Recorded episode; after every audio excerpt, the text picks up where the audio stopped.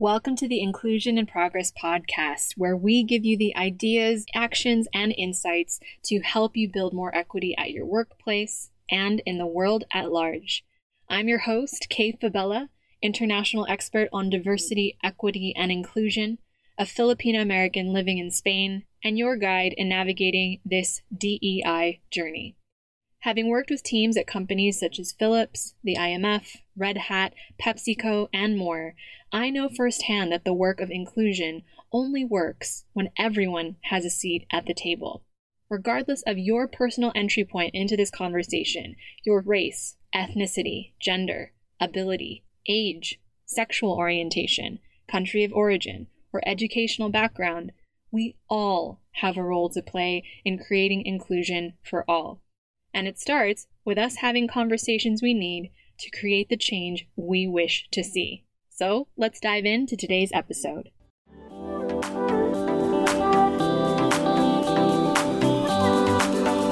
Hey, hey, hey, it's Kay here, and welcome back to Inclusion in Progress. So, if you can hear a bit of pep in my step as I speak today, it's because now that it's May and the corona curve in Spain is finally flattening, the Spanish government has begun the de escalation process of lockdown measures, and we're finally allowed to go outside for outdoor exercise. It is glorious.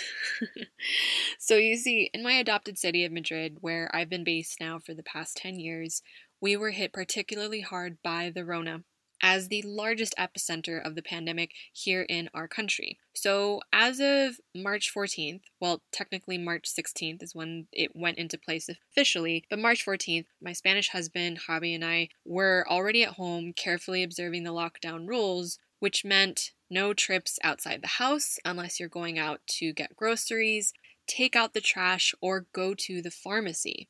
So that also means no use of common areas in our apartment complex like gyms or our green spaces. Our only breath of fresh air, so to speak, has been whenever we've leaned out the windows to clap every night at 8 p.m. for our hardworking healthcare and essential workers who've been keeping us safe. I would also add that the other heroes we should be cheering for, honestly, have been the Spanish families with kids who were actually the first people to be allowed out of their apartments for an hour of exercise together after over 40 days at home in confinement. And as of last weekend, non parents like my husband and I were also allowed to leave the house for one hour of exercise outdoors with a set rotating schedule for when adults, parents or older siblings with children under the age of 14, and seniors are allowed to be outside. I was honestly bouncing like a kid on Christmas morning last Saturday. And I'm not joking. Seriously, I uploaded a video on LinkedIn where you can see how I'm practically bursting with joy as I get ready for my first outdoor walk in 50 days.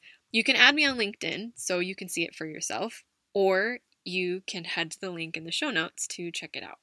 LinkedIn is where I have been sharing most about my business, my insights on diversity and inclusion, and of course, my real time updates on how quarantine is evolving here in Spain and for my clients. I promise not all of my updates are videos of me bouncing up and down like a schoolgirl, but I would love to see you over there and connect with you if we haven't already.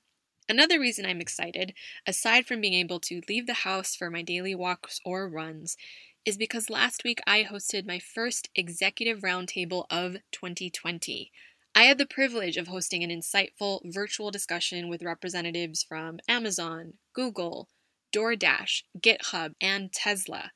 Over 60 minutes, we discussed how the coronavirus will affect how our organizations, our teams, and our employees communicate we talked about the importance of diversity, equity, inclusion, and belonging as more teams go remote.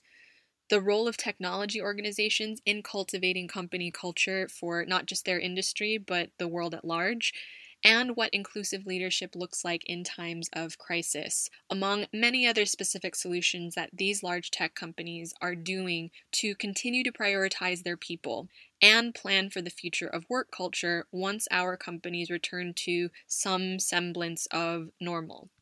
My team and I will be working on a white paper with our key event takeaways around diversity, equity, and inclusion in a post COVID 19 world, which will be coming out later in May 2020. And we will be sharing it with other inclusion driven organizations, people, and HR leaders. So, to receive your copy of the white paper when it goes live, head to the link in the show notes or subscribe to our list at Kay Fabella, K A Y, F as in Frank, A, B as in boy, E L L A dot com.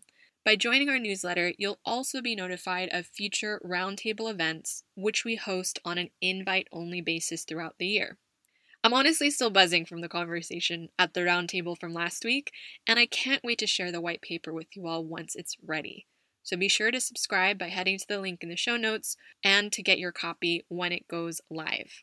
Okay, now that we've covered all the fun updates, let's dive into today's episode on how to avoid burnout in D&I work.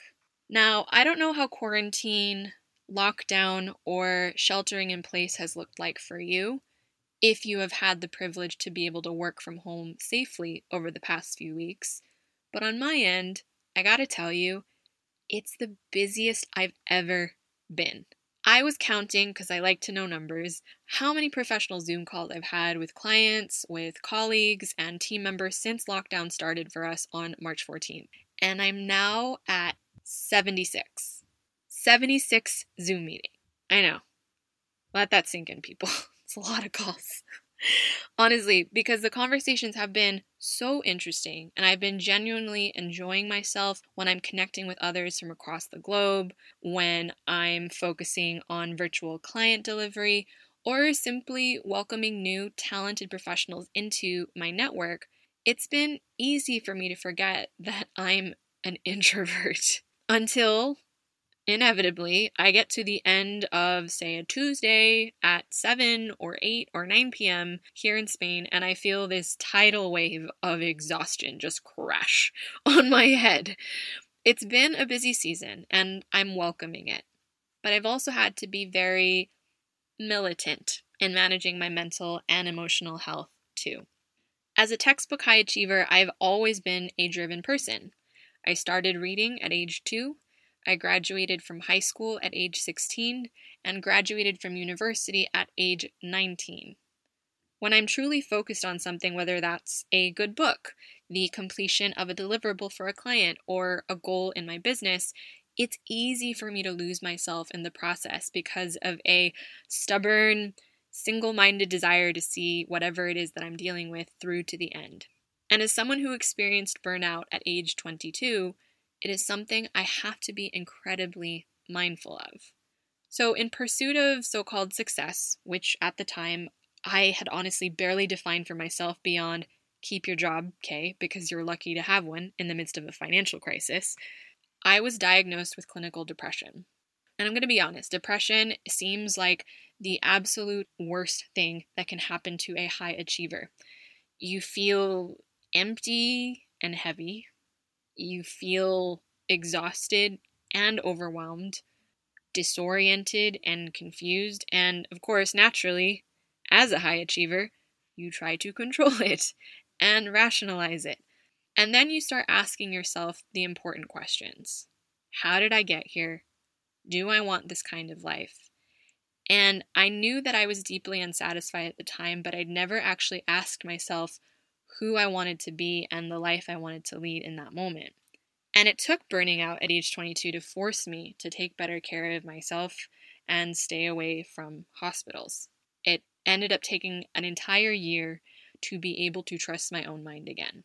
Eventually, when I was able to shift from my usual question of what should I do next on my to do list to what feels like the next right thing, I followed my heart and I decided to go back to Spain where I'd studied abroad in college, in undergrad. I planned to move there, learn Spanish, and teach English while figuring out my next steps. We all know how that story turned out, right? 10 years, a Spanish husband, and a business later, I now call Madrid home. Ironically, it actually took starting my own business to really be able to set a schedule for myself that set me up for both joy and sustainable success because it helped me to manage my depression and my anxiety in a proactive way. So, when I got into DNI work, long before I wore this label of practitioner with pride, I knew that I would have to double down on my mental health practices because diversity and inclusion takes a heavy emotional toll on individuals who are leading these hard conversations. And I'm not going to sugarcoat it here. DNI is often lonely, thankless work that requires a superhuman emotional strength and stamina. You are holding space for others' emotions alongside your own. You are meeting folks where they are to get them to the next right step in their own journey. You are quickly diagnosing and assessing the best fit solution for a team or for an organization, and decentering your own lived experiences with exclusion to create inclusive environments and experiences for others. On top of that, there's also diversity fatigue to consider, which practitioner Aubrey Blanche outlined and defined during her time at Atlassian in 2018. Diversity fatigue is what happens in organizations because it takes a lot of energy and resources to solve these complex problems. And it's difficult for individuals, for managers, and for leaders to stay committed when progress is slow or non existent. So, on top of the fact that DNI practitioners like you and me are tasked with delivering cultural change and solutions for our organizations, often with limited resources and on an even smaller time frame, you're also running up against disinterest and non-responsiveness from the very people that you need on board for that change to happen. And it's no wonder that so many practitioners I know burn out or experience burnout multiple times in their careers. But I promise you, it's not all doom and gloom either. The reason I'm sharing this is because I've found that when someone is 100% transparent on what to look out for, instead of trying to hide harsh realities of what's to come from a future endeavor, it actually helps me make more informed decisions for myself should I decide to pursue it. The last thing I want to do is discourage you from beginning or continuing your DNI journey. In fact, as I often say on this podcast, we need all hands on deck for this work to continue forward, from minorities and allies alike. So, if you're like some young professionals who I've spoken to this past month that are eager to dive into DNI work, whether through leading an ERG or applying to a position in HR, or people or recruitment at a company. Here are a few tips that I can spare to help sustain and support you on the road ahead and avoid burning out in the process. The first thing is to be aware of compassion fatigue. I used to think that being someone who is highly sensitive was a weakness. I used to wish that I could easily put up this, like, you know, sci fi force field around me and bar any negativity either directly or indirectly hurled at me. I'm the person who cries daily, either during yoga or watching an emotional advertisement, who laughs a little too hard when a skit or a joke is funny, even though it's maybe mediocre at best. I'm the person who dances and whoops out loud when an artist drops a fun beat at a concert, or who feels head to toe, and I'm not kidding you, head to toe rage when I read about racism or ignorance or injustice. It feels like I'm this supercharged walking antenna, absorbing like 200 frequencies at once, which could, if I let it, paralyze me into inaction and overwhelm if I'm not careful. Now, I'm happy to say that I see being highly sensitive as a strength that fuels my DNI work and helps me show up as my best self for those who depend on me.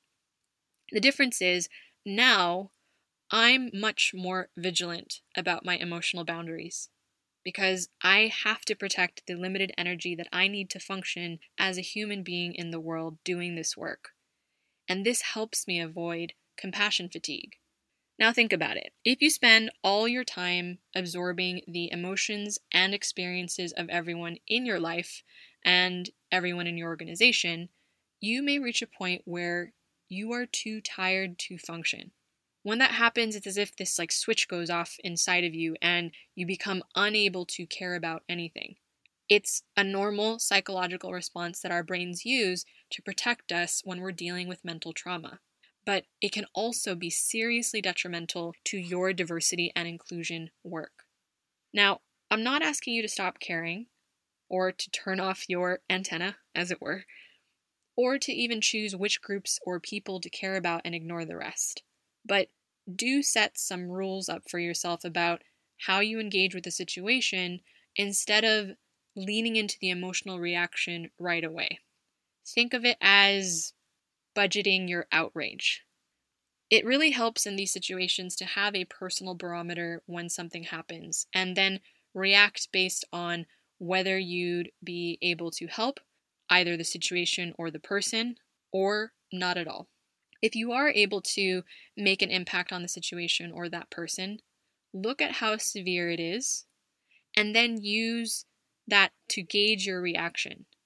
Finally, make sure that you have either a system or some sort of trusted ally that you can lean on so that you aren't alone in this work as you deliberate on the best decision you can make to alleviate or improve the situation. It is not selfish to do this work to avoid compassion fatigue because you and I have limited amounts of emotional energy in a given day. So let's budget and use it wisely for where our work is most needed to move the needle forward in diversity and inclusion. The second thing to consider is writing your SFD. So, this is a podcast first, ladies and gents. I am finally going to curse on this podcast. I'm a bit of a potty mouth in real life, so it was only a matter of time before it happened here for real. But as a big Brene Brown fan, I think it's worth putting out the explicit rating for this episode just to share this concept with you the SFD, or the shitty first draft. If you haven't heard of this idea, here's what it boils down to take whatever it is that you want to say, no filters, for your eyes only, and write it out. Journaling is really cathartic for me, and if you want to take up the mantle for diversity and inclusion work, I highly suggest you start cultivating a practice of writing in a journal. Sometimes emotional exhaustion and burnout is less about what actually happened and more about what we make of it in our own brains. As a leftover from our caveman ancestors, humans have a slightly unfortunate ability to focus in on something and make it seem far larger and more important than it is in an attempt to protect ourselves from potential threats. So, suddenly, one kind of offhanded comment made by a team member or your key stakeholder in the C suite makes you spiral, or an issue that was brought up by an employee or a colleague feels like the end of the world or a manager's insensitive comment makes you question whether or not DNI is actually working and whether or not you should quit altogether. If this happens to you, please know that you're not alone. I'm raising my hand over here as a classic overthinker who had to compensate for being a highly sensitive person by leaning hard into logic early on in life. But whatever happened, you also can't let it continue to stew too long in your head or way too heavy on your heart. The shitty first draft is a great exercise to help you cope with the emotion that you're feeling without pushing it to the side entirely. So pull out your pen and paper or put your fingers to your keyboard on a Word document and write your SFD. Get it off your chest. Say whatever it is that you'd like to say to yourself or to the person in question, and do not hold back because seeing everything in front of you actually helps you filter through the raw emotions, deciding what is really true for you about the situation in question, and then help you determine how you want to handle that in a constructive way.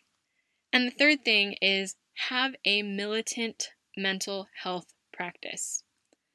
So, May is Mental Health Awareness Month for a reason, and I cannot stress enough the importance of creating a militant mental health practice if you want to continue your work in DNI for the long haul. You can start by reading up on and incorporating mindfulness, meditation, or some type of movement into your daily routine, instead of reaching for your phone to scroll through your emails first thing in the morning. Now, I'm not saying you have to go the other way and have a 30 step routine every morning either, or that you have to cancel your Netflix account. But give yourself the space to let your mind settle, whether through running or free writing or just simply enjoying your own company for five minutes a day. And I promise it can make a world of difference in how you show up for the diversity and inclusion work you do in your organization. Also, be mindful of your content consumption habits. It's so easy to be triggered by every injustice in your Twitter feed, to feel your anger rise whenever you see an ignorant comment on Facebook, or fall into sadness when someone you admired is outed in a LinkedIn article as having less integrity than you thought they had. Unless I need to upload something on the go that my team can't get to in time, I don't keep any social media apps on my phone. I'm not on Instagram, which I know that makes me a bad millennial, but I honestly don't miss it and am much happier without it in my life. I am incredibly selective about who I follow and engage with online, client, colleague, or otherwise. So, limiting your social media or content usage, even for small time periods, can really help DNI practitioners like you reignite your focus by practicing what I call the art of self preservation. Finally, really find and build and lean on a community. That can be a group of biz besties or other folks in similar roles at nearby organizations. Because being able to talk to other practitioners in your industry who are experiencing the same challenges as you and who share your experiences can be really gratifying. And if you can and are in a position to invest in it, please look into therapy. As a DNI practitioner, it's a challenge to listen to stories of others' trauma and pain without internalizing some of those feelings yourself. So, finding a licensed professional who specializes in helping people deal with and sort through their stress, their emotions, and their feelings can really help you to preserve your mental health so that you can go out and be the best DNI practitioner for your customers, for your clients, and for your company. So, there you have it my top tips for helping you avoid burnout as a DNI professional, regardless of your official title or role within your organization. The first is being aware of compassion fatigue. The second is getting out your feelings and writing your SFD or your shitty first draft. And the last is have a militant mental health practice. It's no secret that things are changing quickly. And although DNI seems like it's getting the short end of the stick in many companies, our work is needed more than ever, which means it's a unique opportunity for you as a leader or as a minority professional to step up and guide people through this pandemic and beyond. To adapt to these changes, I'm now helping clients with global teams continue to feel supported and included as they shift to remote work to navigate this transition successfully. So, to give you an example, some of the solutions I've delivered this past month are based on supporting people teams with work from home resources and programming for their ERGs, to leading a remote manager workshop virtually on Zoom for inclusive leaders, and working one on one with DNI practitioners to continue to lead the conversation and implement cultural shifts at their organization. So, to learn more about the best solution for you, get in touch at the link in the show notes or at kayfabella.com. On our free call, I can discuss a virtual solution that is tailored to you, your team, and your company's needs. Until the next time we speak, be well, and if you ever need anything, feel free to reach out to me directly at info at kayf as in Frank, a b as in boy, e l l a dot com.